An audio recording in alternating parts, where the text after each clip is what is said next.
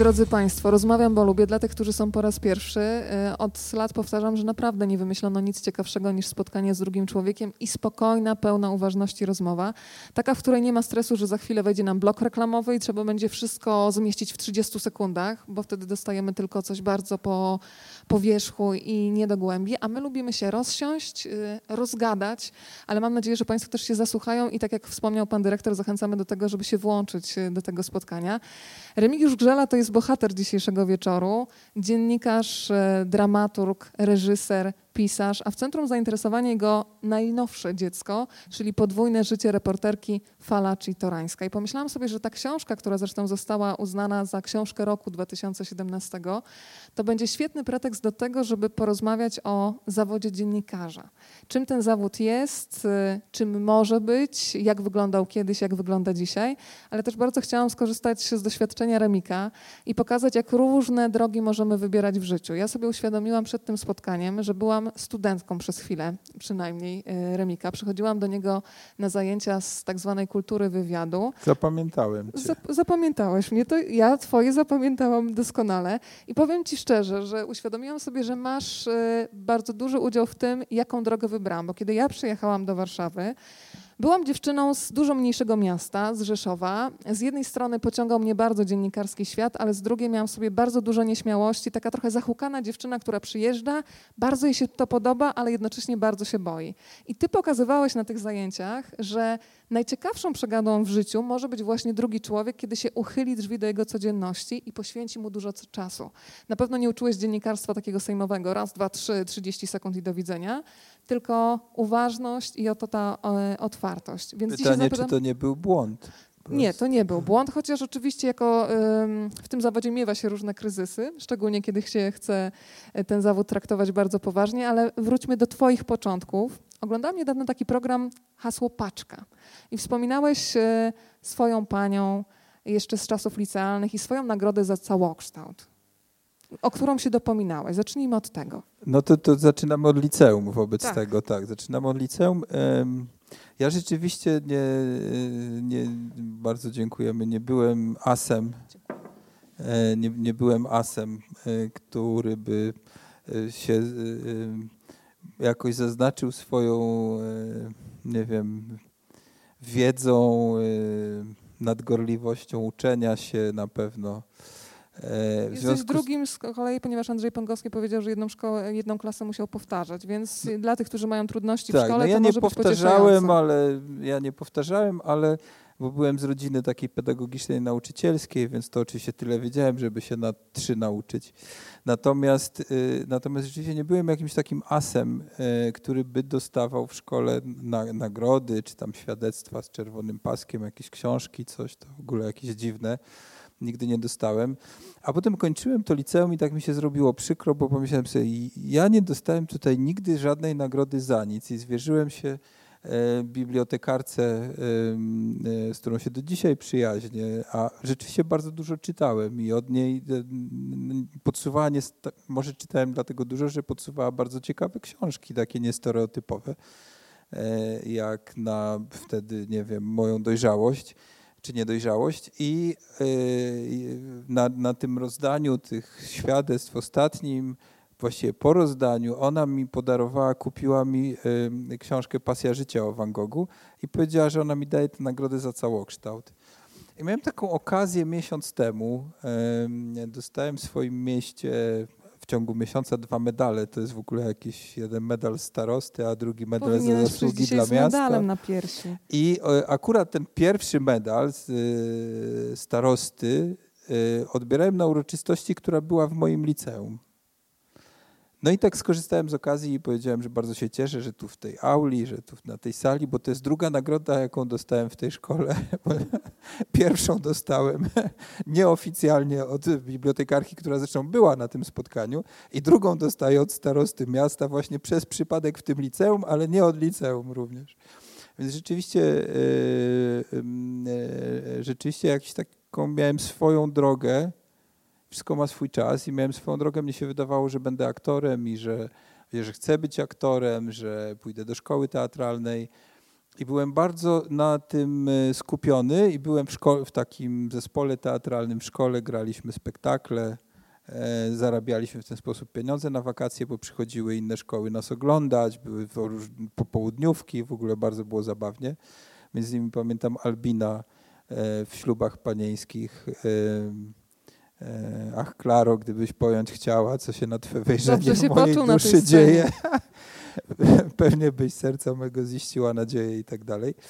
I, i, i, I, to był taki, bym powiedział, teatr tradycyjny, ale równocześnie w, w, do naszej szkoły chodził bardzo ciekawy człowiek, który e, robił też teatr eksperymentalny. Nasz kolega z starszej klasy, Sławek Pstrąg, który miał bardzo ciekawy, jakąś taką ciekawą wyobraźnię i pamiętam, że kiedyś mnie obsadził, e, tak chodziliśmy w kółko po scenie, ja z jakąś miałem klatkę ze szczurami na ramieniu. E, jakiś była taka scena, gdzie stałem na jakiejś skrzynce i wygłaszałem przemówienie bez, bez dźwięku żadnego i musiałem tam ekspresję. No bardzo to było dziwne, ale czyli jakby z jednej strony były te spektakle, które właściwie całe liceum takie tradycyjne, a z drugiej eksperymentalne.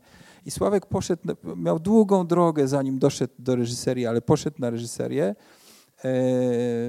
został, e, zaczął robić jakieś fabuły swoje, bardzo dużo TVN-owskich produkcji i taki był tragiczny rok e, w życiu tych 40-latków wtedy, to znaczy e, Marcin Wrona, który był jednym z takich najbliższych przyjaciół Sławka Pstrąga, z którym ja robiłem ten teatr, popełnił samobójstwo w Gdyni na fest, w czasie festiwalu i E, bardzo krótko też e, Sławek, z którym robiliśmy teatr w Krakowie na, e, na pogrzebie. Jakiś taki rzeczywiście mm, palące się pokolenie. No o tym wspominam, bo stąd była, była ta myśl teatru. No i, i, też, żeby tak długo nie rozwijać. Starogard od Gdański, z którego, z, którego, z którego pochodziłem, jest 50 kilometrów od Gdańska, no to jak miałem gdzieś na Wagary uciekać, żeby mnie nikt nie spotkał, to do Gdańska. No, a e, autobus PKS zatrzymywał się przy targu węglowym blisko Teatru Wybrzeże. To, to było takie miejsce, że to, to co tam w tym teatrze. No i tak z, zacząłem się z jakimiś ludźmi zapoznawać no i chodzić na różne spektakle, y, czasem zostawać dłużej, a potem nawet tak swoją klasę przywoziłem i robiłem jakieś takie spotkania z aktorami po spektaklu, którzy godzili się na to. I tak poznałem Ewę Kasprzyk, która tam wtedy była na etacie w, w Teatrze Wybrzeże i chciałem się jej poradzić, czy powinienem pójść do szkoły teatralnej i e, ona wiedziała już, że ja piszę, bo ja całe życie pisałem różne, pisałem powieści od dziecka i mój kolega E, z podstawówki Marcin Witański w drugiej chyba czy w trzeciej klasie podstawówki mi wywróżył, że zostanę Marią Konopnicką. No to dzisiaj sobie myślę, że mogę iść na jagody tylko.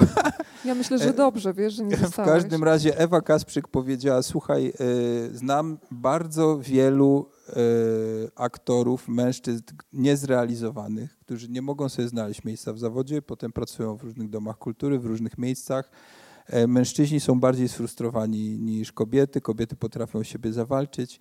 Jeżeli możesz e, pójść w inną stronę niż teatr, to do teatru e, i prędzej czy później skręcisz. I tak było. Wybrałem dziennikarstwo, Asekurowałem się jeszcze polonistyką w Bydgoszczy, na którą się dostałem na wszelki wypadek, gdybym nie zdał. E, e, tak zostałem dziennikarzem, równocześnie właściwie cały czas pracując w teatrze, bo ja też ciągle byłem kierownikiem literackim Teatru na Woli w Warszawie i piszę sztuki teatralne, które są wystawiane w tej chwili w Teatrze Studio. Ewa Błaszczyk gra Chwila, mój monodram o Rianie Falaci i e, reżyserowałem czasami, też próbowałem jakby z tej, z tej drugiej strony, co jest też szalenie, e, szalenie ciekawe dla mnie, więc, e, więc no to taka była pokrętna droga, ale była, jedną miałem rolę filmową, którą tam minutę mój przyjaciel Maciej Kowalewski, reżyser, dramaturg i aktor, robił swój film Trzy siostry T, no, powiedział, że da mi rolę w końcu, że zagram księdza. I zagrałem tam na Bielanach u Kamedułów. Widzę cię w koloradce, wiesz co? Tak, Naprawdę. w koloradce no. i w, w, w sutannie księdza Wojtka Drozdowicza, słynnego proboszcza, Zbiela, słynnego proboszcza i Maciek powiedział, że to, to jest taka scena, że ja wychodzę z kościoła, ale wychodzę z kościoła i co? No idziesz po schodach. No ale co? Idę po schodach i co? No się zastanowił, mówi, nie wiem, mijasz kościelnego.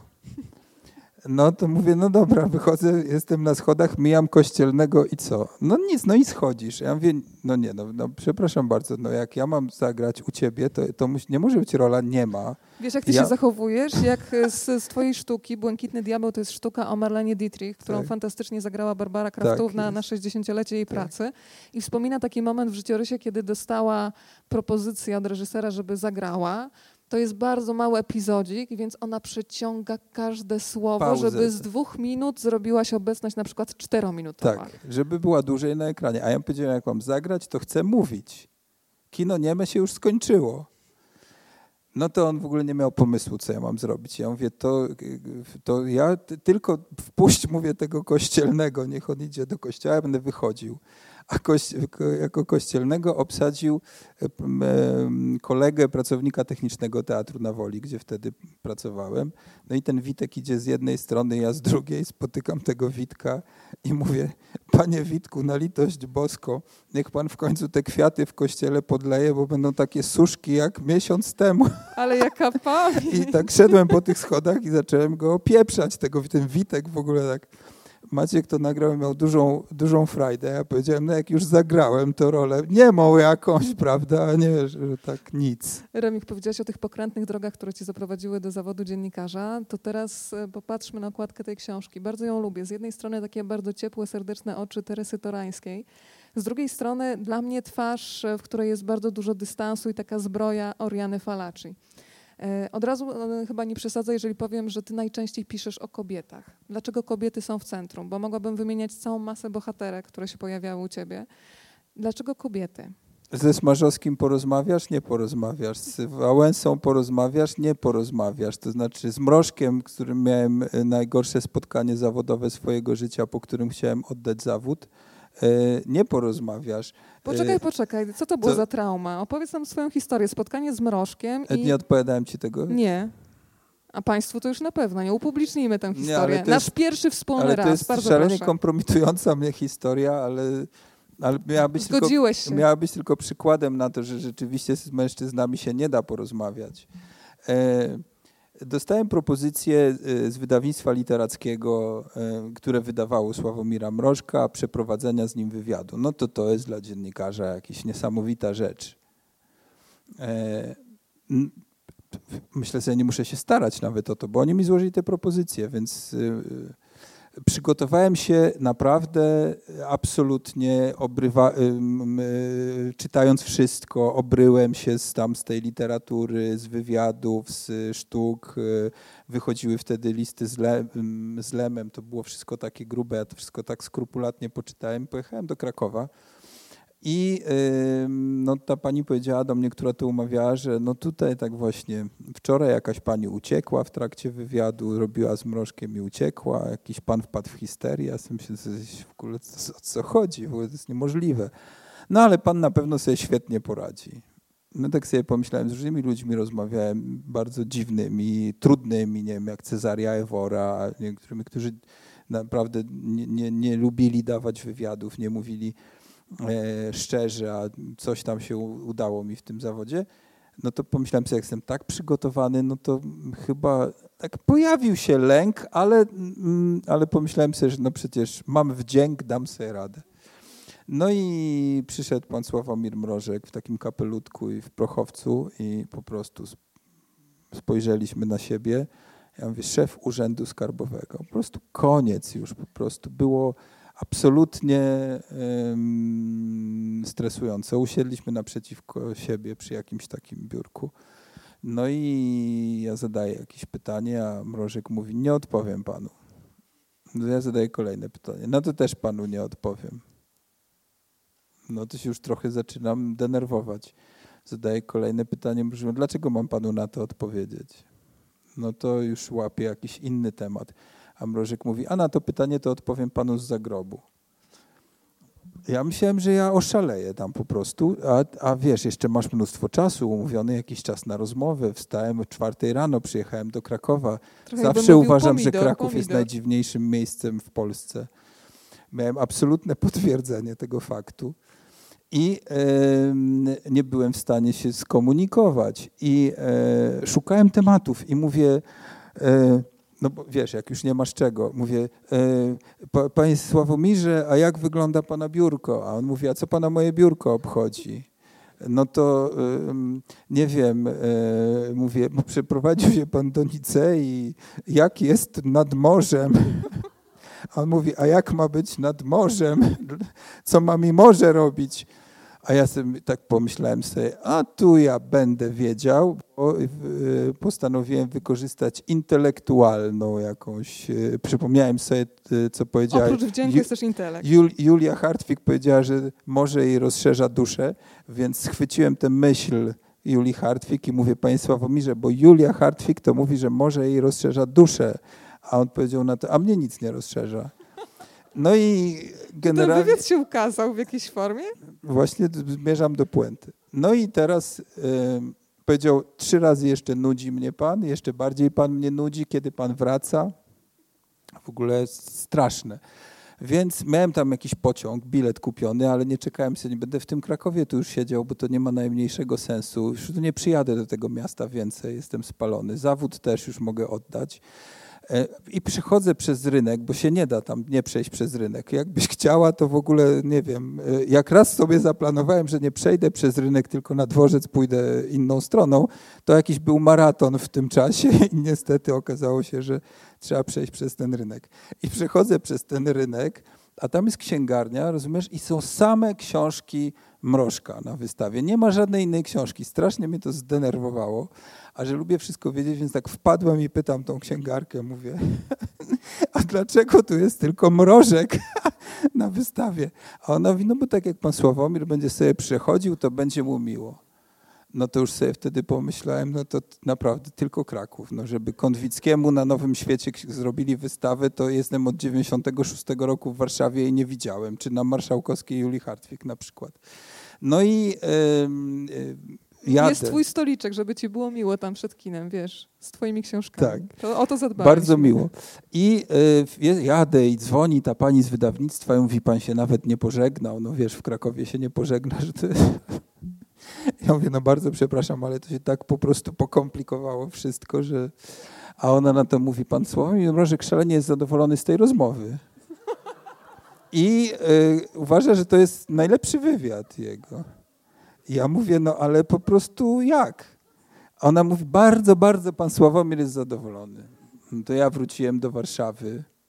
Przecież co zrobić? Przecież zawsze oddawałem tekst, jak było trzeba oddać. Ale tu nie wiem, co oddać. No co ja miałem oddać? Rozumiesz, pustą kartkę? Zacznę to spisywać, zobaczę, może tam się jakieś zdanie pojawi. No i te wszystkie zdania to były takie, nie odpowiem panu, nie Nudzi odpowiem, mnie pan, nudzi tak? mnie pan. Wszystko to spisałem i dałem tytuł Odpowiem panu z zagrobu. I wysłałem to do redakcji, oczywiście licząc, że to po prostu jest tylko kwestia, że zrozumieją, e, że tego tekstu nie będzie, no że starałem się, ale proszę, no niestety nie wyszło. E, a oni do mnie dzwonią, że będą to drukować. No to to mnie już w ogóle Kto zdziwiło. to wydrukował? Zwierciadło, pismo, z którym współpracuję. Uważam, że zachował się bardzo mądrze dzisiaj z perspektywy. Wtedy było to zastanawiające. I e, wywiad się ukazał i czytelnicy się podzielili jakby na dwie frakcje. Jedna to była ta, która uważała, że z Mrożkiem rozmawiał kompletny debil, no, no, ale trudno mi było jednak znaleźć pytanie. I druga, że nie stosuje się przemocy wobec dziennikarza, jak się zdecydujesz już na, zdecydujesz na wywiad. Więc jedna była za Mrożkiem, jedna była mm, za mną. E, No i to miało swoją... A, jeszcze jestem któregoś razu u w w wydawnictwie Wielka Litera. E, Paweł Szwed, szef. Coś rozmawiamy o wywiadach, a on mówi do mnie, że mówi taki wywiad z Mrożkiem przeczytałem niedawno w zwierciadle. Mówi, wiesz, jakiś kompletny debil z nim roz, rozmawiał. Czytałeś? Nie zwrócił uwagi na nazwisko. A ja mówię, daj spokój, czytałem. Mówię, przecież tego się nie da czytać w ogóle. No i umiera Sławomir Mrożek I ja dostaję do domu taki y, w czarnej ramce taki, taką kopertę, coś taki, kopertę, nekrolog, coś To jest ta takiego odpowiedź otwieram. grobu? Tak. I w środku jest napisane, że y, ponieważ był pan jednym z bliższych przyjaciel, przyjaciół pana Sławomira Mrożka, miejsce na pogrzebie wyznaczone jest tam gdzieś w katedrze, jakieś było miejsce. Trzeba się stawić o takiej, o takiej godzinie i potem zapraszamy po południu do jakiejś kawiarni, gdzie będziemy, bliscy będą wspominali pana Sławomira Mrożka.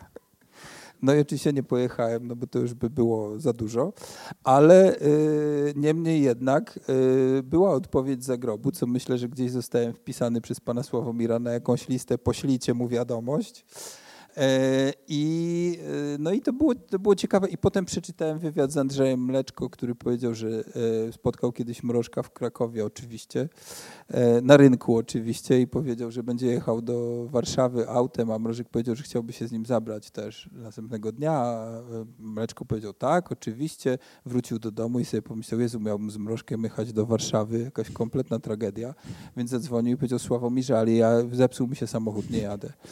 E, I puenta była taka, że Mleczko mówi, że każdy e, rozsądny człowiek, który rozmawia z mrożkiem, może tylko wejść na dach wieżowca i rzucić się, na, skoczyć na główkę. Więc to mniej więcej taka przydługa historia, ale. To go no, odporniło. Z brodą historia. To teraz powiedzmy o najciekawszych sytuacjach związanych z wywiadami u Oriany Falaci, bo ona potrafiła zachować się też e, w bardzo taki zdecydowany sposób. E, powiedzmy o tych jej najciekawszych e, wywiadach, do których dotarłeś, które znałeś z opowieści i przyjaciół. Ona też nie przybierała w języku. Mówiła wprost, że jeżeli ktoś jest za przeproszeniem idiotą, to nie będzie go nazywać mędrcem. Jeżeli coś jest za przeproszeniem głównym, to nie będzie o tym mówiła Fiołkiem, Fiołki, Tak, prawda? tak jest. Tak, no, no rzeczywiście to jest um, ciekawa historia, bo tak jak... E, Dorotko, możemy pokazać Orianę Falaci jeszcze. Poproszę, jest takie piękne zdjęcie, kiedy ona sobie robi autoportret to przed To Teresa Torańska, z, a to jest o. moje ukochane zdjęcie, zresztą bardzo mi się kojarzy z filmem Vivian Mayer, kiedy robi sobie taki autoportret w lustrze. Zdjęcie pochodzi z archiwum Eduardo Perazziego. Tak, selfie współczesne, ówczesne. E, Oriana Falaci zaczynała e, jako dziennikarka, która pisze o celebrytach i to jest, to jest dla mnie ciekawe, że ona zaczynała od e, gwiazd włoskich i gwiazd hollywoodzkich, bo pojechała koniec lat 50., pojechała do Ameryki. Shirley MacLaine, prawda? była zaprzyjaźniona z Shirley MacLaine, w ogóle wyruszyły w podróż po całej Ameryce i to było no jak Telma i Louise, tam się cały czas kłóciły, trafiały do więzienia, nie wiem, ktoś im kradł samochód. No, jest taka podróż po Ameryce, książka Oriany Falaci, Państwu bardzo polecam, bo to jest jakby zapis jej przygód z Shirley MacLaine w tej trasie. To z tego film można zrobić. E, obie wybuchowe, obie z jakimś niesamowitym temperamentem ona bardzo chciała, bardzo chciała e, poznać Marilyn Monroe i to się nie, mimo, że ją tropiła, to się nie udało, ale poznała bardzo wiele gwiazd i była bardzo uszczypliwa, bo opisała ten cały wtedy świat lat 60., początku lat 60. Hollywood czy show biznesu amerykańskiego i Nowy Jork w taki sposób bezlitosny.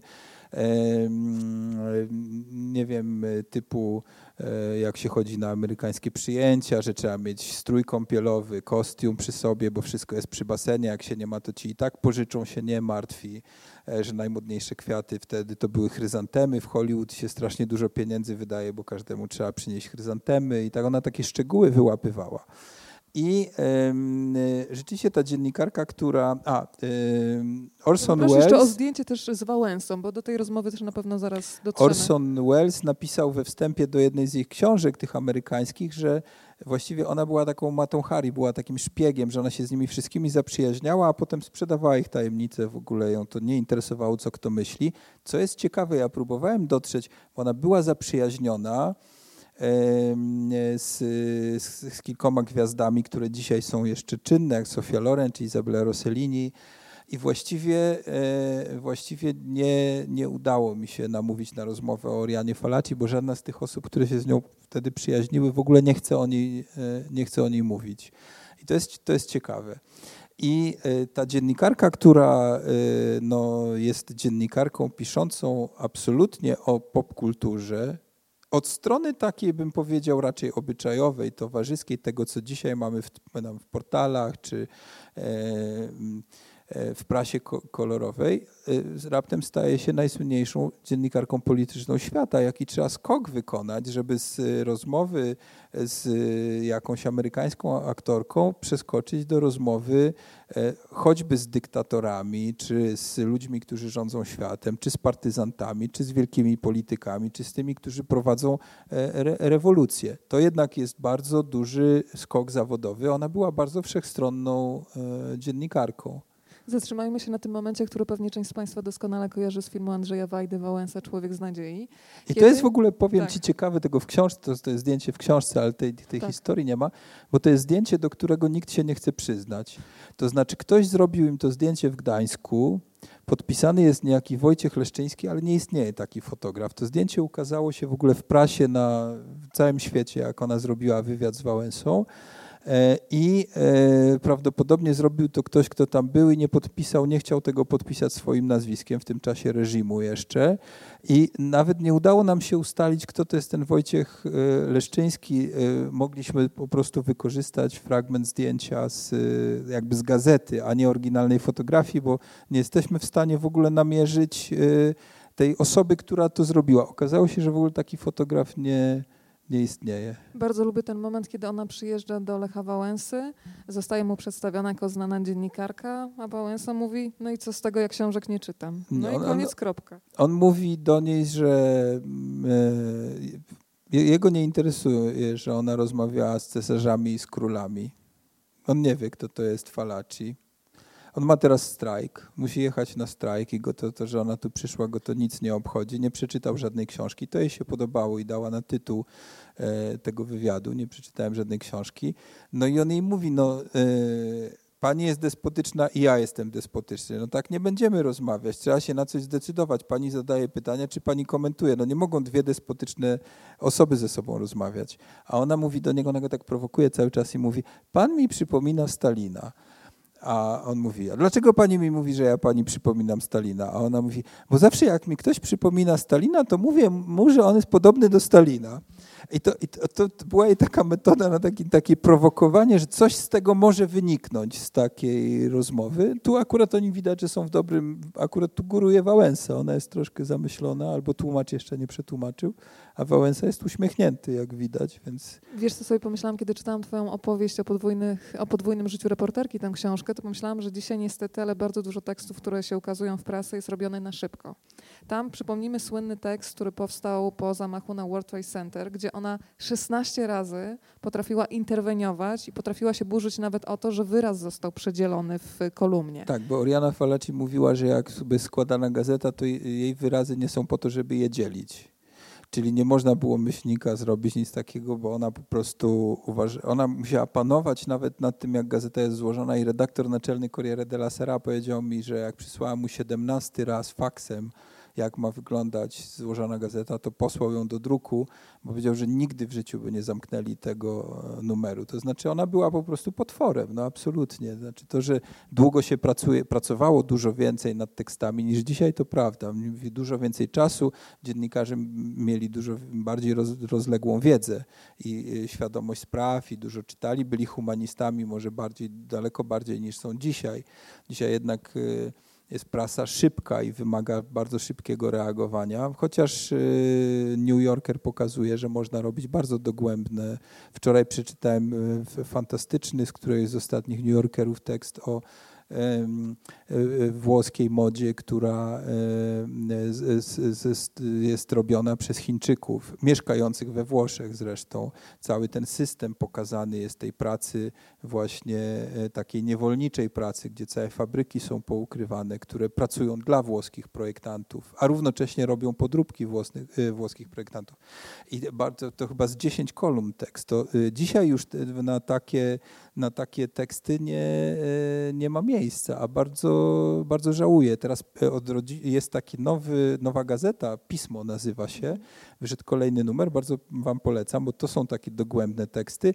I bardzo w, w ostatnim numerze jest ciekawa, e, ciekawy portret e, premiera kanadyjskiego Trudeau, właśnie z jednej strony, którego znamy jako tego człowieka niezwykłego sukcesu, otwartej głowy i tak dalej, a z drugiej strony ten artykuł w piśmie pokazuje jakby krytyk, kanadyjską krytykę Trudeau, to znaczy pokazuje, co mówi o nim społeczeństwo, jakie popełniał błędy w ostatnim czasie, no ale to inny temat jest. Ta twoja książka też pokazuje, do czego prowadzi takie mm, coraz bardziej powierzchowne traktowanie też czytelnika, bo mam wrażenie, że w pewnym momencie się nie docenia wręcz aż, aż jego inteligencji, że coraz mniej jest miejsca na artykuły pogłębione. Ja miałem kiedyś taką redaktorkę, wiesz, mm -hmm. która mówiła mi, jak ja przynosiłem tekst, i pamiętam, z Wandą Wiłkomirską, skrzypaczką był e, wywiad i ona mówiła, że gra e, koncert Beli Bartoka. No i tam moja redaktorka mnie woła i mówi, e, to trzeba skreślić. Ja mówię, dlaczego to trzeba skreślić?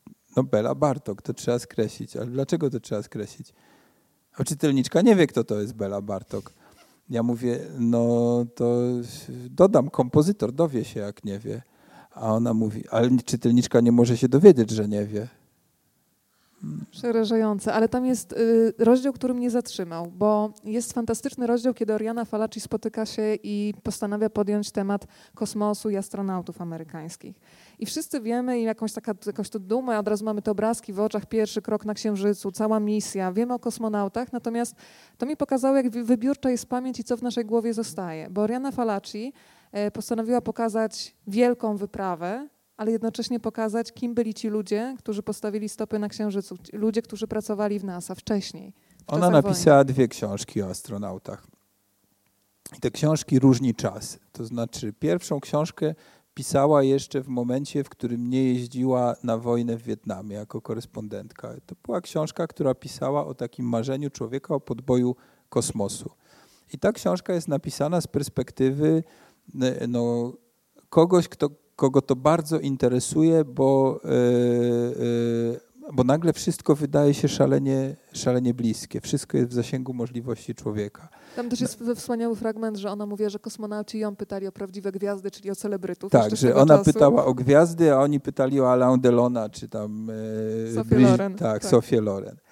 I drugą książkę pisała już w momencie, czyli o lądowaniu na Księżycu, pisała już w momencie, kiedy była, e, wracała z wojny w Wietnamie. Ona jeździła i wracała, jeździła i wracała i była korespondentką e, w Kambodży, e, w Wietnamie i widziała bardzo dużo okrutnych rzeczy. Napisała zresztą też o tym dwie książki. W Polsce te wszystkie książki niestety są nie, nie, nie, nie wydane. Ona tutaj żyje jako pewna legenda. I ona się zainteresowała jakby historią tychże kosmonautów, którzy lecą na Księżyc e, w czasie wojny w Wietnamie. No i potem takie słynne z tej książki zdanie, znaczy nie wiem czy słynne, ale na mnie zrobiło wrażenie i, i ja je też cytuję tutaj, że jeżeli za 200 lat będziemy świętować lądowanie człowieka na Księżycu, to przypomnijmy sobie, że dwóch pierwszych mężczyzn na Księżycu mordowało w Wietnamie ona już y, ich rozlicza. To jest nadal historia o tym marzeniu człowieka niezwykłym, które stało się już bardziej realne, ale to jest już książka napisana z perspektywy kogoś, kto ma bardzo dużą wiedzę tego, co się dzieje na świecie.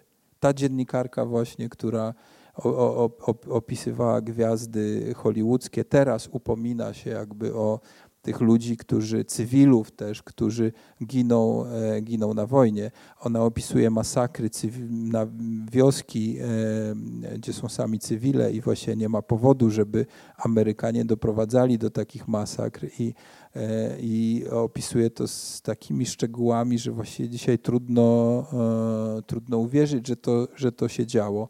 Ona się upominała, bo była za taką dla niej nadrzędną wartością człowieka była wolność. Ona była za wolnością, uważała, że życie ma największą wartość. I to właśnie był zawsze główny temat jej, e, jej pracy.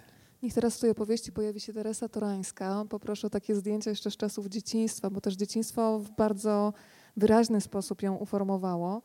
Teresa Torańska, która dla mnie przede wszystkim jest wzorem tego, aby mówić jasno, zabierać głos i przede wszystkim, kiedy się na przykład rozmawia z politykiem, żeby nie być takim dziennikarzem koniem, za przeproszeniem, który tylko siedzi i kiwa głową, że tak, tak, tak, tylko pokazywać hipokryzję. I ona potrafiła być e, w tym, e, wcale nie krzyczała, na pewne rozmowy wręcz e, powiedziałabym prowadziła szeptem i czasem nawet jej niedopowiedzenie albo kropka mówiło więcej niż wchodzenie w otwarty konflikt. Teresa rozliczała też polityków, z którymi rozmawiała. Tego dzisiaj brakuje w tym zawodzie, jaki wykonujemy. To znaczy, i to ja mówię właściwie teraz prawie na każdym spotkaniu, bo uważam, że to jest ważne i w każdej rozmowie do tego wracam, bo uważam, że to jest istotne, że e, dziennikarz e, odpuścił sobie to, że, że ma władzę. Czwarta władza się mówiło o mediach. Dzisiaj na odpuściliśmy sobie z różnych powodów, kredytów na mieszkania, ale też bardzo często takiego e, w, redakcjach dyktują działy marketingu, reklamy dyktują jaka ma być jakość, jaka ma być treść, co jest klikalne, co jest nieklikalne. W nie uświadamiamy nawet, że teksty, które są w gazetach, które się ukazują w, w internecie, w poważnych gazetach, dziennikarze są rozliczani za to, ile e, osób wykupiło subskrypcję czy abonament na gazetę za ten tekst i że za twój tekst było 10 subskrypcji, a za twój było tylko 5 subskrypcji. Jest, y, daliśmy sobie to y, odebrać i musimy mieć świadomość, że media są czymś szalenie ważnym, co kształtują naszą y, rzeczywistość, ale też głowę. E, ja obserwuję od jakichś, nie wiem, tak 15 lat, że media sobie, już publiczne teraz nie mówię, ale w ogóle sobie odpuszczają jak ja chodziłem do liceum, ja wiedziałem z telewizji, jak wygląda Hanna Kral, nie wiem, e, e, jak wyglądają ważni pisarze. Tadeusz Konwicki. Tak, Konwicki. To byli ludzie, których e, człowiek nie musiał, oni byli w mainstreamie, człowiek nie musiał czytać książki Konwickiego czy Hanny Kral, żeby wiedzieć, jak on wygląda, jak, kim jest, jakie ma poglądy i co mówi. Po prostu ci ludzie byli w mainstreamie. E, media to odpuściły. Kto dzisiaj jest w mainstreamie, no to już nie będę o tym mówił, bo to trzeba bardzo niewiele rzeczy zrobić. Chcielibyśmy żeby... taką ściankę postawić, e, torebki, otworzyć sklep, butik, byłby tłum celebrytów. I, I wydaje mi się, że teraz, teraz jest taka pora, żeby tę władzę jeszcze móc odzyskać i żeby sobie przypomnieć, że y, dziennikarz też polityka rozlicza, że może mu powiedzieć, pan kłamie, może go opieprzyć jak trzeba za coś E, musi mieć argumenty. To znaczy, ja uważam, że to, czego mnie uczono na studia obiektywizm dziennikarski, e, tak wkładali nam do głowy wtedy, to jest w ogóle, no, to nie istnieje. Czegoś takiego jak obiektywizm nie ma dziennikarski, nie ma co takich bajek opowiadać, bo jest jakiś rodzaj subiektywizmu, e, kierowania się pewną, jeżeli można, etyką w tym zawodzie, wykonywania rzetelnie. Ale teraz to przeniosę na jakość jeżeli człowiek chce do czegoś dojść, ale tak naprawdę e, biznesmen e, inwestując musi sobie wyobrazić perspektywę długą. Nie, że on tam wyciągnie e, paręnaście, parędziesiąt czy paręset tysięcy za pół roku, tylko musi sobie wyobrazić, każdy biznesmen na świecie, może poza biznes, większością biznesmenów w Polsce, że jest jakaś pers długa perspektywa Pracujesz na siebie, pracujesz na swoje dzieci, na kolejne pokolenie i pracujesz na swój kraj. W wielu krajach jest tak, że biznes i kultura idą w parze, ponieważ w Wielkiej Brytanii niezwykły mecenat kultury jest. Powstawanie festiwali operowych, finansowanie teatrów. E, to wszystko e, e, jak pokazuje, że ktoś myśli o przyszłości. I teraz jak jakikolwiek zawód wykonujemy, powinniśmy myśleć trochę jak biznesmen. Inwestuję w swoje nazwisko, to jest moja twarz, którą mam jedną, e, to jest moja głowa, która ma być mądra i mam być e, inteligentny. Nie mam się kierować stereotypami, tylko mam mieć szeroki, e, szerokie wyobrażenie o świecie i widzieć szerokie horyzonty. Umieć się nie zgodzić, ale mając, mieć na to argumenty, to niby jest banał ale to się przekłada na jakość naszej pracy. Ja nie chcę, żeby w mojej pracy mnie zarzucono, że ja czegoś nie umiem, żeby zarzucono mi błąd, żebym był nieprzygotowany, żebym nie umiał czegoś zrobić, nie oddał swojej pracy na termin, bo pracuję na siebie. Zrozumiałem to być może jeszcze bardziej, odkąd od lat nie pracuję na etacie czyli nikt mnie nie zatrudnia, w związku z tym nic mi się nie należy, żaden ZUS, żadne ubezpieczenie, nic mi się nie należy, tylko ja muszę sam wypracować. I każda twoja ostatnia praca świadczy o tobie, prawda? Tak. Nawet można zbudować pozycję przez lata i jednym zleceniem tak naprawdę i wszystko, co opinii. mam, to jest to imię i nazwisko, prawda? Na które, e, na które cały czas na który cały czas pracuję. I, I to jest to. I uważam, że to jakby jest rozmowa o jakości, bo to się, jeżeli każdy by pracował dobrze, to byśmy żyli w innym kraju zupełnie. Tam powiedziałeś o twarzy, cudowne stwierdzenie Teresy Torańskiej, które wielokrotnie lubię przypominać, że lepiej wylecieć z twarzy, e, z pracy Twarzą. z twarzą, bo twarz ma się do końca życia, jest to myślenie perspektywiczne. Więc e, Tak, faktycznie... ona opowiadała historię swojego życia, jak ją raptem prawda, na weryfikację tak zwaną dziennikarską, czyli prawda, opowiedzieć się po stronie reżimu, który był wtedy i ona powiedziała, no czniam na to, nie poddam się weryfikacji, bo twarz ma się tylko jedną, prawda? Czy ona została bez swojego zawodu ale paradoksalnie najważniejszą książkę swojego życia napisała właśnie wtedy, książkę Oni. E, zostaje bez swojego zawodu, nie wie co dalej i w pewnym momencie wpada na pomysł, że mogłaby pójść do byłych aparatczyków, byłych reżimowców, którzy już są zdradzeni przez komunizm, a budowali komunizm po 1945 roku w Polsce, ale już wtedy, kiedy ona to robiła na początku lat 80., oni już byli właściwie też e, na marginesie zupełnym, czasem traktowani jak wrogowie.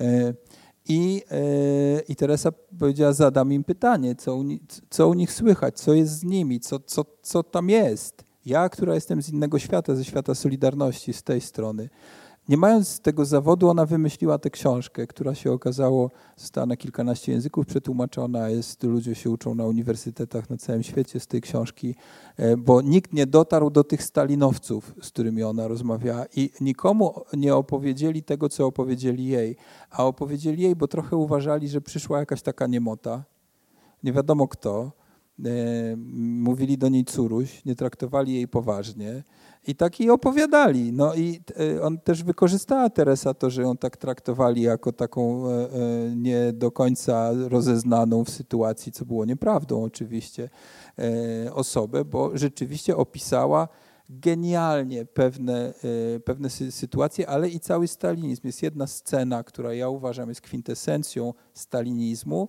W rozmowie z Jakubem Bermanem, bardzo ważną postacią E, komunizmu e, po 1945 roku, e, kiedy opowiada, jak był na kolacji u o szeregu kolacji, ale opowiada kolację u Stalina, gdzie Stalin kręcił korbką adapteru i grała muzyka, a on tańczył z Mołotowem.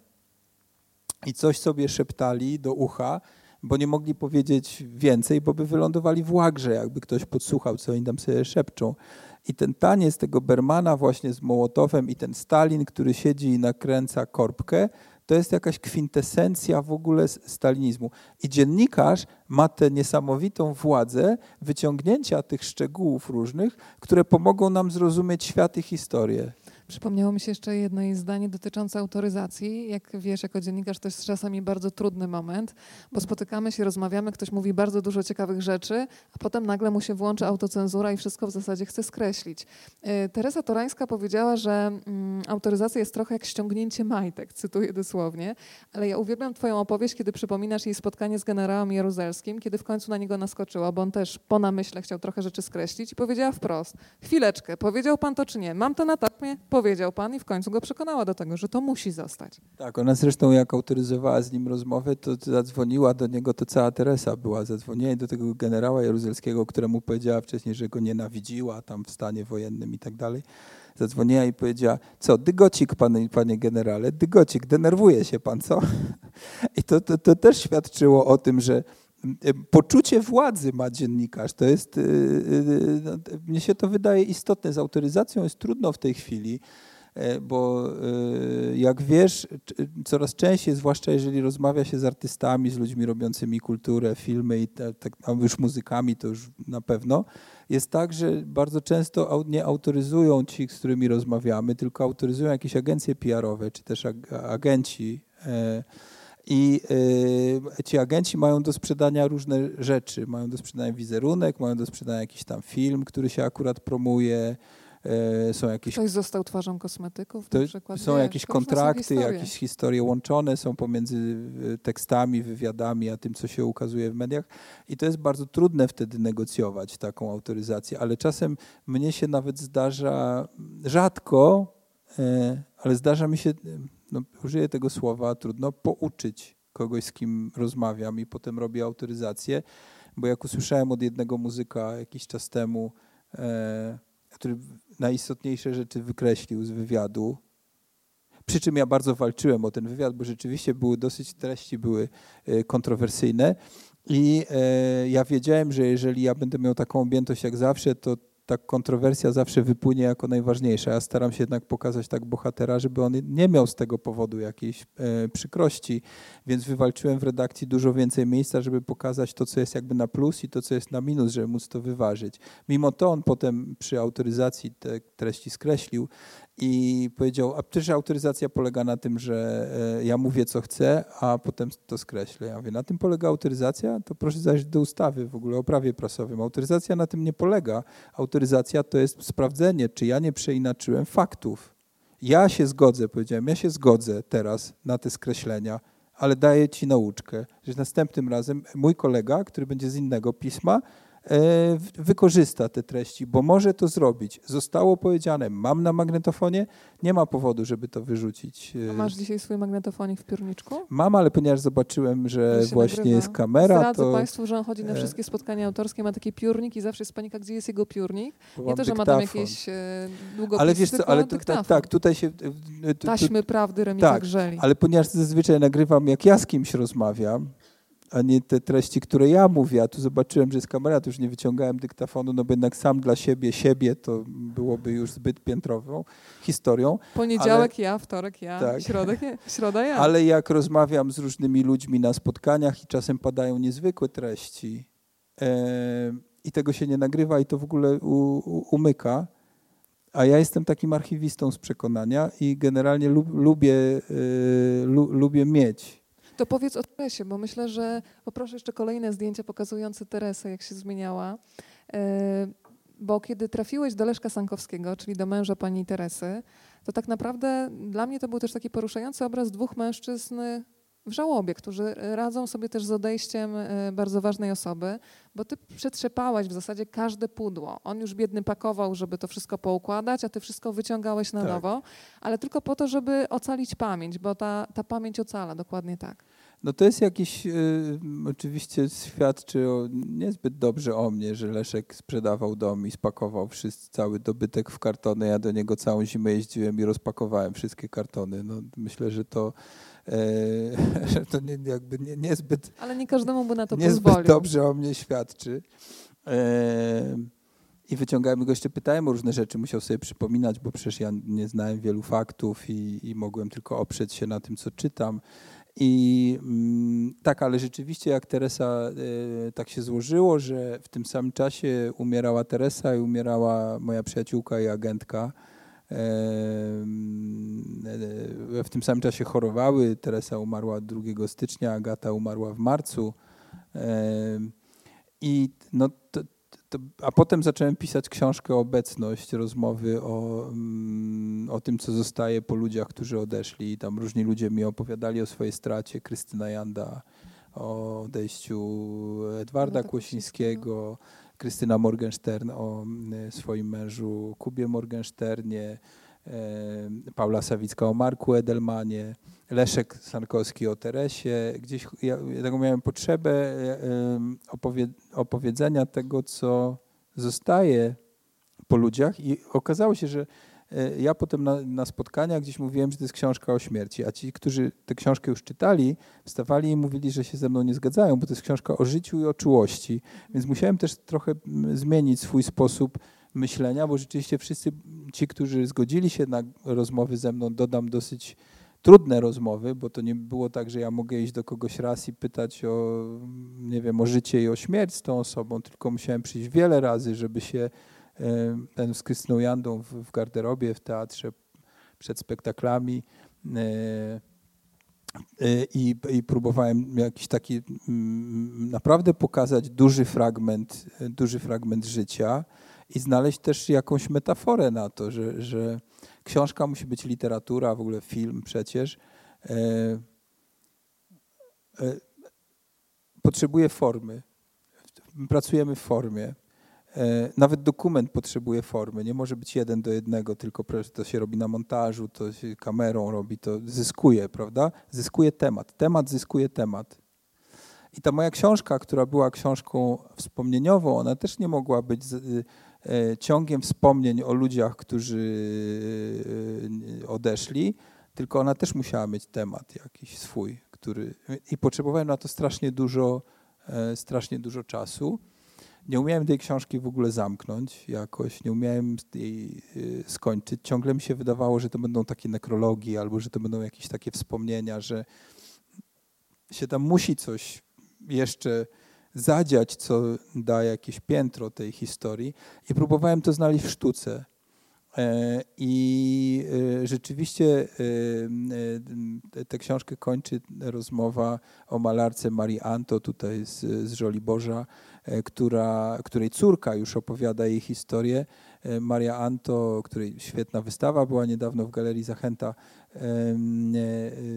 jako dziewczynka była ze swoją, miała 8, 8 lat wtedy, ze swoją mamą po powstaniu warszawskim E, były w transporcie do obozu i, mm, e, i partyzanci odbili ten transport i one spędziły prawdopodobnie dwie noce w lesie i ona przez całe życie malowała bardzo dziwne obrazy.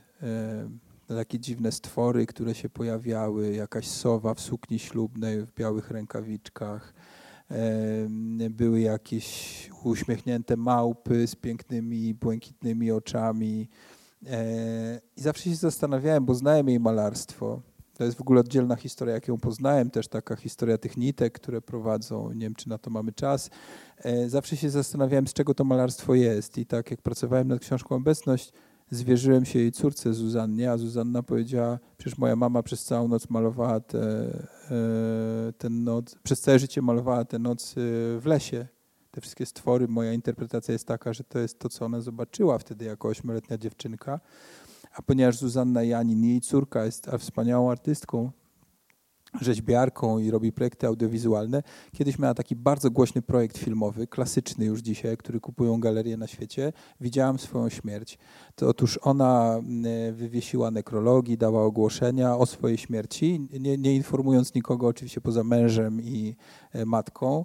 E, I e, był jej pogrzeb E, na który przyszła w przebraniu, przeobrana na czarno, miała woalkę i nikt nie rozpoznał. I e, ten, ten, ten pogrzeb był nagrywany. E, I ta praca się nazywa Widziałam swoją śmierć. I ten telefon mi w ogóle jakby wyjaśnił, że ta rozmowa o Marii Anto, o tym lesie i historia jej córki, która nagrała swoją śmierć przed laty, plus rozmowa z Julią Hartwig o wdzięczności za życie, daje dopiero temat tej książce, czyli daje tę formę.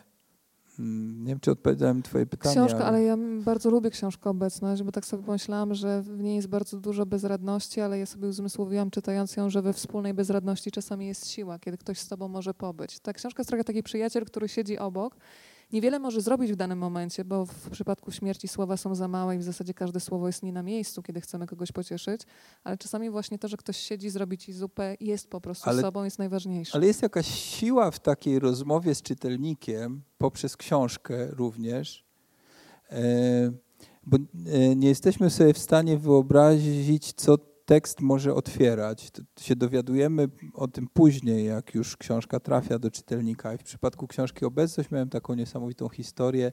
Różne reakcje różnych ludzi właśnie, którzy mówili, że to jest o życiu, nie o śmierci. A, ale jeden list był absolutnie wyjątkowy, e, który przyszedł do wydawnictwa. Napisał go mm, e, pisarz pan Aleksander Jurewicz, którego żona w tym czasie e, chorowała na Alzheimera i on się nią zajmował. A ta moja książka była książką obecności i odchodzeniu.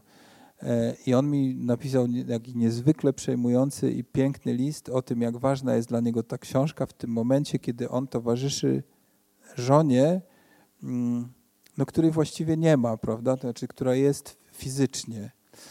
I, i to było dla mnie w ogóle wstrząsające. Potem w jednej księgarni pani mi powiedziała, że się odważyła po tej książce e, taką półkę zrobić śmierć, bo czasem widzi, że ludzie wchodzą i e, w ogóle są jakby zawstydzeni, szukając czegoś na ten temat, bo przeżywają żałobę i chcą coś przeczytać, co by ich, im pomogło.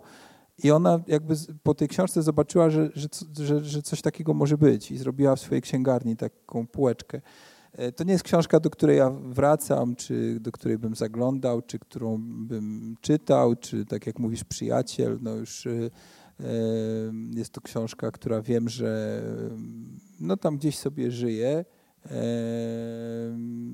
która ma dla mnie znaczenie, bo jest bardzo osobista. Może jedna z, z najważniejszych, ale też nie mam ochoty do niej specy specjalnie zaglądać, bo tam jest dużo, dużo smutku, dużo bólu, dużo milczenia. To teraz, Remik, jeszcze wróćmy w takim razie do podwójnego życia reporterki. Chciałabym, żeby pojawiło się jeszcze hasło odwaga, bo kiedy myślę o Teresie Torańskiej i Orianie Falaci, to myślę, że ta cecha jest wspólna dla obu pań. E, ale też myślę o takiej odwadze, kiedy Oriana Falaci faktycznie mogła się bać e, o swoje życie, kiedy zaczęła pisać bardzo mocne teksty. E, powiedzmy też, że miała zakaz wstępu w zasadzie na pokłady samolotów, ponieważ jeżeli się pojawiała na pokładzie, to, to było dużo wcześniej albo na ostatnią chwilę załatwiane, czyli rezerwowała bilet pod fałszywym nazwiskiem, ponieważ teoretycznie samolot z nią na, pokładu, na pokładzie mógł być obiektem zamachu terrorystycznego. No po 11 września napisała te trzy wielkie y, książki których pierwsza, Wściekłość i Duma, wywołała największy rezon, czyli atak, fundamentalizm islamski, ale też jak ona mówi, że y, ona jest przeciwko każdemu fundamentalizmowi islamu i Watykanu, bo to mówi też dobitnie dla zrozumienia jakby tego, co, co pisze w tej książce. Potem te dwie kolejne książki, które miały już mniejszą siłę i były gorsze i być może nie powinna była ich napisać, bo to są raczej takie rozmowy z komentarzami na temat, na temat tej pierwszej książki, no ale one miały jakieś duże znaczenie, w takim duży rezon społeczny. I rzeczywiście od czasu sprawy Dreyfusa i mm, e, e, bardzo, nie wiem, bardzo polecam, bo to można gdzieś na Allegro znaleźć, część Państwa zna, studenci szkoły może nie, e, Emila Zoli oskarżam. To jest taki nieduży tekst, esej przeciwko Francji po właśnie sprawie Dreyfusa, do którego co jakiś czas w kulturze się wraca, więc to też warto choćby z tego powodu przeczytać, że też, też i film do tego zagląda czasami. I e, od czasu J'accuse, czyli oskarżam, e, nie było takiego tekstu, który by wywołał na świecie taką reakcję jak tekst Oriany Falaci. Wszystkie gazety właśnie najważniejsze ją przedrukowały i drukowały polemiki, które były no nie, nieustannie też, też w Polsce było bardzo dużo e, polemik z, z Orianą Falaci. E, I rzeczywiście ona stała się takim wrogiem numer jeden. Była, podała swoje imię, nazwisko, była bardzo rozpoznawalną dziennikarką i wywoła, e, właściwie wywołała wojnę. E, odwrócili się od niej również jej bliscy. Straciła bardzo wielu przyjaciół. Ona uważała, że to kierowali się polityczną poprawnością. I wobec tego nie mogła nigdzie polecieć, bo jak chciała kupić bilet lotniczy, to jej odmawiano. To było zagrożenie, żeby mieć Oriany Falaci w tym momencie na swoim pokładzie, więc miała umowę z Alitalią. E, to była jedyna linia, która, która zgodziła się na to, żeby ona latała, ale pod zmienionym nazwiskiem i w ostatnim momencie zmieniano na karcie pokładowej, jak ona już przychodziła, na, wchodziła do samolotu, zmieniano na karcie pokładowej nazwisko. Także, także ona rzeczywiście była, e, no była takim wrogiem, ale też Oriana Falaci e, lubiła być wrogiem, to znaczy ona też wykorzystywała to, że ludzie jej nie lubią, często zrażała sama do siebie ludzi i budowała taką mitologię osoby, która jest e, jedna przeciwko światu z jednej strony ona była bardzo silna, ale też kiedy piszesz o jej życiu osobistym, ma dla mnie taki obraz zawodowy i jednak wymaga też uzupełnienia osobistego, bo to wtedy, wtedy tworzy pełnię człowieka. No to pomyślałam sobie o niej, nawet takie słowo stworzyłam, kruchosilna.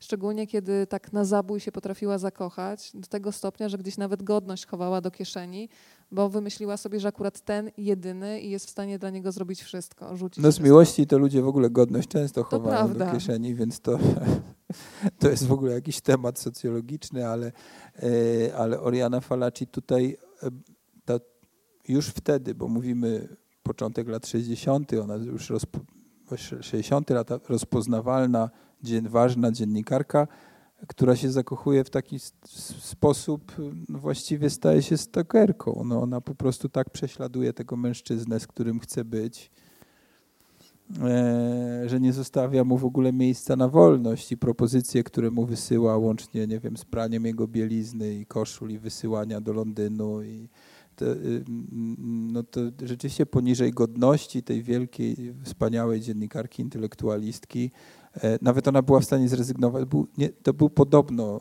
e, e, średni dziennikarz, ale ona była w stanie zrezygnować ze swojego zawodu, bo uważała, że on jest najlepszym dziennikarzem. Znaczy, gdyby on tylko zechciał z nią być, to ona była w stanie wszystko dla niego zrobić, wszystko rzucić.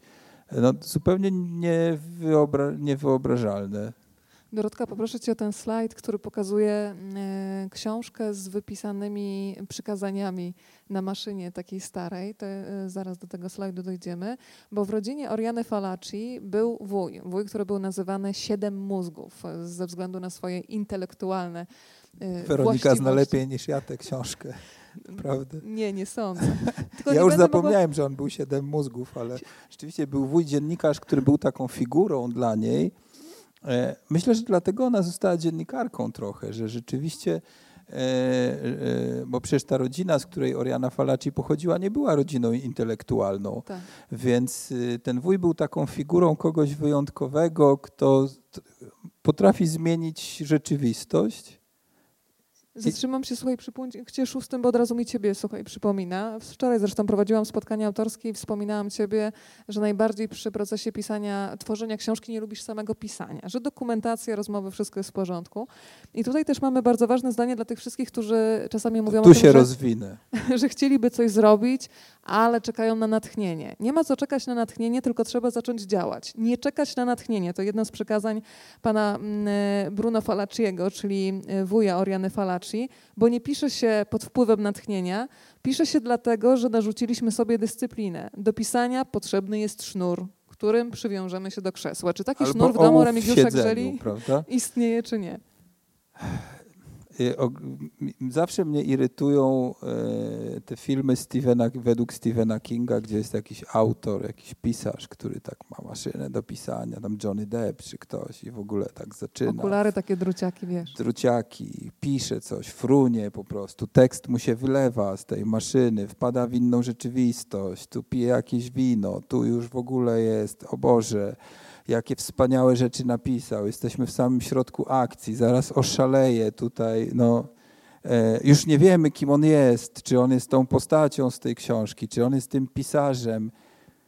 Ja tego nie rozumiem. Ja, ja tego nie miałem nigdy, tego nie znam i jak koledzy mi mówią... Zdradziecka wena raz jest, raz jej nie ma. Wiesz? Jak koledzy mi mówią, że coś im się dobrze pisało, ale fajnie mi się napisało, ale to jest po prostu już tak wtedy ich nie lubię, bo e, e, wydaje mi się, że znaczy każdy ma swoją metodę pracy, ale gdzieś we mnie jest duża podejrzliwość na łatwość pisania. To znaczy wiem, że najlżejsze zdanie to jest najbardziej wypracowane zdanie. Znaczy, jak ktoś czyta nie wiem, moją książkę czy, i mówi, tak lekko jest napisane, jak mi się to dobrze e, czytało, to ja wiem, ile ja temu poświęciłem czasu. E, jestem w tym zawodzie ponad 20 lat. Pisałem różne formy i scenariusze telewizyjne, i filmowe, i, i sztuki teatralne, i powieści, i książki dziennikarskie, i teksty dziennikarskie, które piszę na co dzień. Za każdym razem, jak siadam do pisania, e, muszę wy, wypracować wszystko. Wydaje mi się, że ja nie umiem tego zrobić. Jak ostatnio pisałem, e, pisałem tekst do gazety mm, dwa, trzy tygodnie temu, dosyć duży. Jak ja przeczytałem pierwszą wersję, to ja po prostu myślałem, że ja, że ja nie wyjdę nigdy i nikomu się na oczy nie pokażę, że można napisać coś tak totalnie drętwo nieudanego, czego nie jestem w stanie czytać, bo się brzydzę po prostu, tymi kwadratowymi zdaniami, gdzie nic nie płynie, wszystko stoi w miejscu, jak mętna woda jakaś zabagniona. E, I potem oczywiście potrzeba czasu, żeby móc e, na tym pracować. Nauczyła mnie wspaniała krytyczka filmowa, e, która uważam, że dała mi jedną najmądrzejszą radę świata, ale nauczyła mnie też redagować teksty. Bożena Janicka, która w miesięczniku Kino, z którym współpracowałem na studiach, redagowała moje teksty i zawsze brała czerwony długopis i poprawiała mi czerwonym długopisem. Do dzisiaj to robię. Drukuję tekst poprawiam czerwonym długopisem jak nauczyciel, bo widzę wtedy, jakie popełniłem błędy i staram się być swoim wrogiem, jak redaguję. Siedzisz i mówisz, Grzela, co to jest, co, co to, to jest? jest? I taka najmądrzejsza rada, jaką mi dała właśnie e, Bożena Janicka, to była jak czytała jakiś tam mój tekst i mówiła, wszystko tu jest, wszystko tu jest, tylko na końcu brakuje takiego ole, tak zrobiła. Takie ole, że jakiś, musi być jakaś puenta, muszę do czegoś zmierzać, to musi być po coś. Zrobiła to w taki sposób, który był bardzo, e, bardzo zrozumiały. Ja rzeczywiście tak pracuję, często czy prowadzę warsztaty, czy pracuję też z dziennikarzami, e, e, czasem, którzy mają podobne doświadczenie zawodowe. Czego ja mogę nauczyć? Ja, jakby nawet to jest złe słowo, nauczyć, prawda, kogoś, kto jest w tym zawodzie. E, ale staram się pokazywać, co można zrobić, to znaczy patrzeć okiem redaktora. Znaczy, że nic się nie dzieje od początku do końca. Jak Małgorzata Szumowska mówi, ja się z nią zgadzam, że jak się opowiada film, to jakby od środka akcji się wchodzi. Scena się nie dzieje nigdy od, e, od, e, od początku prawda, do końca, tylko się jakaś sytuacja, my już obserwujemy sytuację w jakimś trwaniu. I to, I to jest istotne. I jak pracuję z dziennikarzami też na, e, na, na jakichś warsztatach, które czasem prowadzę, a potem mi mówią, że tam coś zyskali, bo potrafiłem powiedzieć ze swojego doświadczenia po prostu, pamiętam mm, jedną z, z dziennikarek, właśnie z, z, którą pracowałem, mówiła, że e, taką miała historię do opowiedzenia, że tam mm, bohater, który jest hazardzistą, a to rzeczywiście myśmy takiego bohatera, cała grupa miała, robiła rozmowę. Bohater, który jest hazardzistą, opowiada historię, jak poznaje na kursie tańca jakimś, jako dorosły człowiek, poznaje kobietę swojego życia. No ale trzeba też opowiedzieć y, tę historię, co się z nim stało, jak on, się, jak on wpadł w hazard. I teraz ona, oni zaczęli pisać. I zaczęła pisać i, i mówi, no tak, to napisała bardzo ładną scenę tańca. I mówi, ale i mówi do mnie, no, no tak, ale jak ja mam z tego teraz, mówi, wejść w tę przeszłość. Mówi, to, to co ja mam teraz, y, jak mam to opowiedzieć? A ja mówię, a jak napisałaś tam w tej scenie tańca? A ona mówi, no coś tam napisałam yy, krok tam w lewo, dwa kroki w prawo. Ja mówię, no i krok do tyłu. Mówię, krok do tyłu i opowiadasz. A mówi, co krok do tyłu? No zdanie, krok do tyłu. Rób krok do tyłu i opowiadasz krok do tyłu tę historię. I rzeczywiście y, y, może ja mam jakąś, na pewno mam taką, y, chciałbym zdolność pedagogiczną, bo też z takiej jestem rodziny, że potrafię to, to, to złapać. Najtrudniej w swoim tekście jest mi złapać to coś.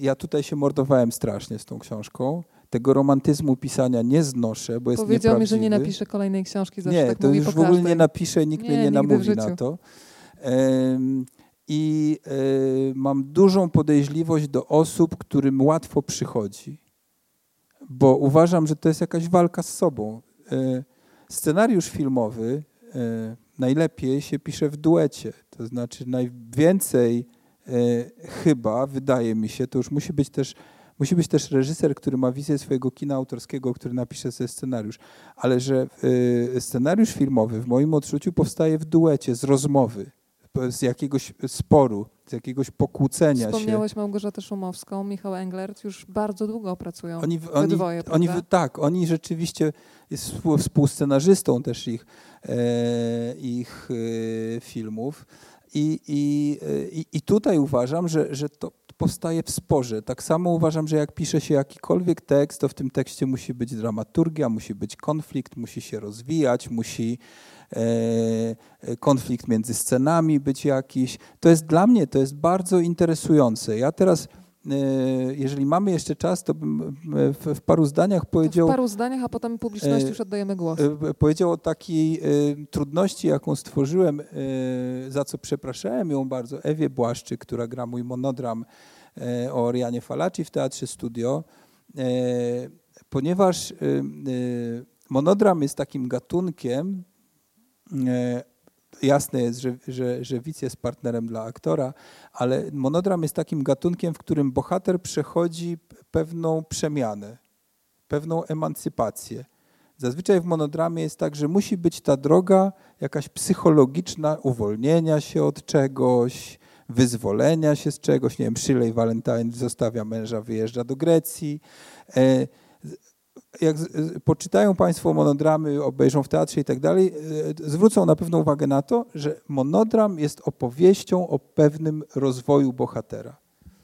Ja napisałem monodram bardzo świadomie, bo tak chciałem to zrobić. Oriana Falaci, chwila, w której umarłam, w którym nie ma e, chronologii, i w którym nie ma już rozwoju postaci jakiejś, bo ona nie opowiada historii, jak ona się stała Orianą Falaci, czy jak stała się kobietą, tylko ona ma te chwile przed oczami, ten film się jej przesuwa i wszystko jest, nie występuje po sobie, jest nielinearne, jest jakiś wątek, który się gubi, pojawia się w innym Trochę miejscu. tak jak, jak nas atakują wspomnienia, prawda? Tak. Które przychodzą i nie wiadomo, jakiś zapach, Takim stru, stru, pewnym strumieniem świadomości, nie dając szansy na rozwój postaci. I e, jej się to bardzo podobało, jak przeczytała ten tekst. Chciała to, jakby, chciała to grać. I potem ja trochę chodziłem na próby i właściwie ja zobaczyłem, e, że to jest coś niemożliwego, bo naprawdę co ten aktor ma zrobić, żeby te, przez te 70 minut trzymać uwagę na tym tekście, który pozornie stoi w miejscu. Ja, ja widziałem, że on stoi w miejscu, ten tekst. E, jestem tego samego zdania co Józef Hen, który mówi, że autor zawsze wie, co chciał napisać. E, krytykom tak mówi. Krytyk zawsze, krytyk zawsze recenzuje to, czego nie ma w tekście. Zawsze ja, ja się śmieję, jak ktoś z moich książek pisze recenzję i pisze, co tam powinno być, a czego nie ma. No ale, ale nie ma z jakiegoś powodu. No i, e, i teraz zobaczyłem jej walkę z sobą i walkę o widza jak to przenieść? Sam pomysł, że ona w tym spektaklu nie udaje Oriany Falaci, nie ma charakteryzacji, się nie maluje, tylko jest tą e, blondyną, która przychodzi w swoim właściwie e, garniturze i przez siebie mówi tę historię, już było e, jakimś punktem do zawiązania sympatii z widzem. I potem rzeczywiście ona bardzo, ten tekst musi nacechować różnymi emocjami, szeptem, krzykiem, płaczem. Cały czas jest cisza. Y, ja widziałem ze trzy spektakle, bo też nie, żebym chodził, ale były spotkania potem z publicznością, więc, y, e, więc zobaczyłem, ale wiem też od niej i od inspicjentki, że zawsze, zawsze jest taka cisza i ludzie idą za słowem. Idą za słowem, bo to, to słowo niesie, a nie dramaturgia, która jest, y, jest w tym tekście.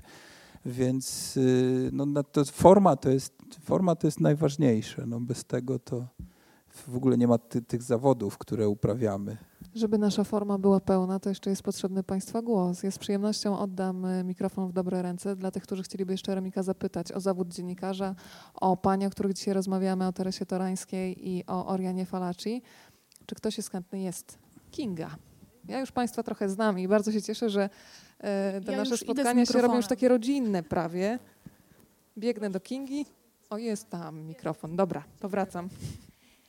Y, dzień dobry. Dzień Chciałabym dobry. zapytać, bo w jednym, chyba z, właśnie w jednym z wywiadów słyszałam, że mm, tak trochę żartobliwie powiedział pan, iż tę książkę Podwójne życie reporterki trochę pisze pan dla Mariusza Szczygła, żeby pokazać mu, że y, Oriana Falaci wcale nie była taką... Przeciwko niemu nawet. Ta, a, tak, nawet, że nie była taką, y, jak to pan powiedział, wariatką, wściekłą, wariacką tak. dzien, wściekłą dziennikarką, babą, tak. wściekłą babą, tak. I ciekawa jestem, czy właśnie po przeczytaniu tej książki y, zmienił zdanie i, i co panu powiedział. Tak, myśmy prowadzili taki spór właśnie na temat Oriany Falaci. Mariusz uważał, że ona nie jest jakąś wybitną dziennikarką, że dyskwalifikują te trzy ostatnie książki, że generalnie miała taką wściekłość, ale może nie reprezentowała sobą za dużo. Ciągle prowadził ze mną ten spór, a ja ciągle mu mówiłem, że trzeba jakby że ona była bardzo wszechstronną dziennikarką, pisała na bardzo wiele tematów, bo w tym jeszcze było dziennikarstwo śledcze, kryminalne. Naprawdę we wszystkim starała się być najlepsza i opowiadać. E, walczyła o czytelnika tak, jak walczy się o widza, to znaczy z kimkolwiek robiła wywiady z politykami. Nie musieli ci ludzie interesować czytelnika, ale jak ona napisała we wstępie do wywiadu, że był kretynem, albo że miał spocone dłonie, albo od razu człowiek każdego to zaczynało interesować. Charakteryzowała genialnie tych swoich bohaterów, nawet jak była bezlitosna. A co najważniejsze, jest obsada jest najważniejsza. I, e, albo przynajmniej jest połową sukcesu. I teraz Szczygieł mi ciągle tak mnie drażnił, że właśnie tutaj o Orianie Falaci, czemu? I e, ja mu powiedziałem, słuchaj, naprawdę napiszę tę książkę i udowodnię ci, że to była wielka dziennikarka. Możesz się z nią nie zgadzać, ale była wielka dziennikarka. No to on mówi, to on myślał, że to będą dwie części. Jedna będzie o Torańskiej, druga o Falaci. Mówi, to tę część o Falaci mi zadedykujesz i ja będę chodził do telewizji i to reklamował. Szantaż emocjonalny. Ja mówię, słuchaj, możesz chodzić do telewizji z tą książką i ją reklamować bez tej dedykacji. E mówię, a poza tym ja nie zamierzam tak tej książki napisać. No i Mariusz, e, który tę książkę przeczytał, chyba ją, e, no nie mogę mówić za niego, polubił, ale w każdym razie widziałem wpisy na Facebooku i na Instagramie, które tę książkę bardzo re rekomendował, a rzadko rekomenduje, ale największe znaczenie chyba dla niego miał jednak ten monodram, o którym mówiłem przed chwilą, ponieważ był na tym spektaklu. Jednej rzeczy nie założył, że Oriana Falaci E, przynajmniej w książce List do nienarodzonego dziecka, była też filozofką i wielką pisarką. I e, jest tam takie zdanie: e, Życie nie potrzebuje ani ciebie, ani mnie. I on w ogóle, nie wiem, to zdanie chyba otworzyło dla niego Oriany Falaci. On po prostu y, powiedział mi, że jak to usłyszał, oczywiście kiedy mówi to Ewa Błaszczyk, której historię znamy i mówi to do dziecka i mówi, jestem dumna, że mogłam wydobyć cię z nicości, chociaż życie nie potrzebuje ani ciebie, ani mnie, e, to ma to swoją siłę, e, kiedy pod to podłożymy tę prywatną, prywatną opowieść aktorki ale to zdanie życie nie potrzebuje ani ciebie, ani mnie, to dla niego było zdanie, które myślę, e, które mu zbliżyło e, Oriany Falaci i przynajmniej dało do, do myślenia, że to naprawdę był ktoś, kto e, ma coś do powiedzenia ważnego światu i ma jakieś głębokie przemyślenia, bo bez wątpienia Oriana Falaci miała, chociaż mówię, bardzo była kontrowersyjna i też Mm, też może trwoniła trochę tę swoją wielkość takimi grepsikami czy grepsami, no ale to była jakaś jej cecha charakterystyczna, więc ja myślę, że Mariusz zmieniłby, trzeba jego, jego to zapytać. Książki mu nie zadedykowałem. Zaprosimy go i zapytamy, słuchaj. Mogę tu mówić o tym, bo jego tu nie ma. Przekażą. Wiesz, zawsze życzliwi przekażą. To, Ktoś jeszcze zapytałabym, jak pisał pan monodram, czy było wiadomo, że będzie właśnie wystaw- y, będzie grała Ewa Błaszczyk, czy, czy to dopiero później y, wyszło? Później. To ja pisałem, y, mówiłem o książce Obecność i byłem cały czas w takim temacie, to jeszcze ze mnie nie wyszło, tego, co, co zostaje. I pisałem tę książkę, właściwie jeszcze nie pisałem, ale robiłem dokumentację i e, pomyślałem sobie, że właściwie nikt nie znał takiej Oriany Falaci, kiedy ona jest sama ze sobą. Ona była, miała świat cały w ramionach, ale nikt jej nie znał takiej, kiedy ona jest sama ze sobą. Co ona wtedy ma? I jeszcze, żeby opowiedzieć jakby z czego jest ten monodram, to, i, co jest finałem tej książki prawie, to trzeba wiedzieć to, że takie wielkie postaci, tak szalenie niezależne, zbuntowane, walczące z całym światem, bywa, e, zostają kompletnie same. Oriana Falaci umiera właściwie w samotności. Ona przyleciała z Nowego Jorku do Florencji, do swojego miasta urodzenia e, na ten finał swojego życia. Wybrała tak, że chce umierać patrząc na miasto, widząc kopułę z okien szpitala i y, były cztery osoby które w tym czasie jej towarzyszyły. I poza jej siostrzeńcem żadna z tych osób nie była z jej rodziny, ani żadna z tych osób nie była z nią zaprzyjaźniona dużo wcześniej. To była jej lekarka, która miała taki twardy charakter, też Florentynka, która, z, którą, z którą Oriana się spierała od lat 80., miały ze sobą kontakt, bo ona Orianę leczyła, ale nie, jakby nie była osobą bardzo bliską. E, był jeden dziennikarz, który poznał ją dosłownie na finale jej życia i który przychodził do niej do szpitala.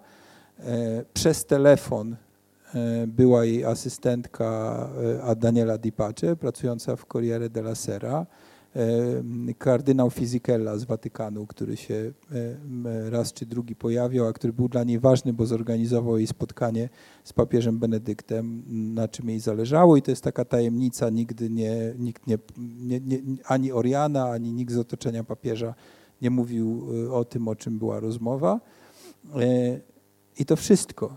I e, jej asystentka powiedziała mi, e, jeszcze zanim Oriana przyleciała do Florencji, była już bardzo ciężko chora w Nowym Jorku i wiedziała, że w tym Nowym Jorku tam już no, e, ona nie chce tam umierać.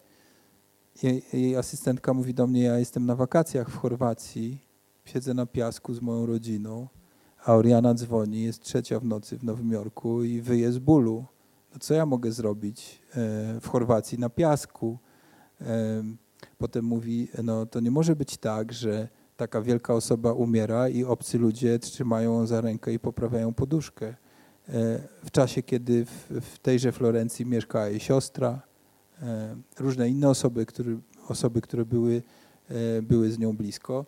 No i to, to, i to jest takie przejmujące. I dlatego ja chciałem opowiedzieć tę chwilę, w której umarłam. To, co było najważniejsze w jej życiu, spróbować wyłuskać taki film, co miało dla niej znaczenie i było osobiste. I ten tekst powstał i myślę, że mm, wtedy, kiedy ja go napisałem, posłałem go Ewie Błaszczyk, która e, e, prawie jestem pewny, chociaż na ten temat nie rozmawialiśmy, zobaczyła jakąś swoją historię w tym tekście. Bo kanwą tego tekstu jest list do nienarodzonego dziecka, równocześnie tam pojawiają się takie wątki właśnie jak wielka miłość i śmierć e, ukochanego, Aleksandrosa Panagulisa. E, pojawia się oczywiście kwestia pewnej wolności, ale też tego, że życie ma nadrzędną wartość i należy o nie walczyć. I potem już w trakcie pracy nad spektaklem ja zrobiłem solidną dokumentację, ale jakoś nie, nie dotarłem do tego tekstu i to przyszło w ogóle jakoś strasznie późno, że Oriana zabrała głos w sprawie Terischiavo, e, której mąż walczył o e, eutanazję mm, i był, była batalia sądowa żeby sąd wyraził zgodę na to, żeby można było Teriskiawo odłączyć od aparatury. I Oriana Falaci się wściekła wtedy i napisała, to już była, ona była już bardzo chora, to naprawdę już wtedy ona nie była dziennikarką, to już był finał jej życia. I ona się wściekła i powiedziała, że w ogóle um, nie należy nawet y, nazywać Teriskiawo, bo ona nie powinna nazwiska męża nosić, nazwała, nazwała go Sinobrodym i tak bezlitośnie się jakby obeszła z tym pomysłem odłączenia żony od aparatury.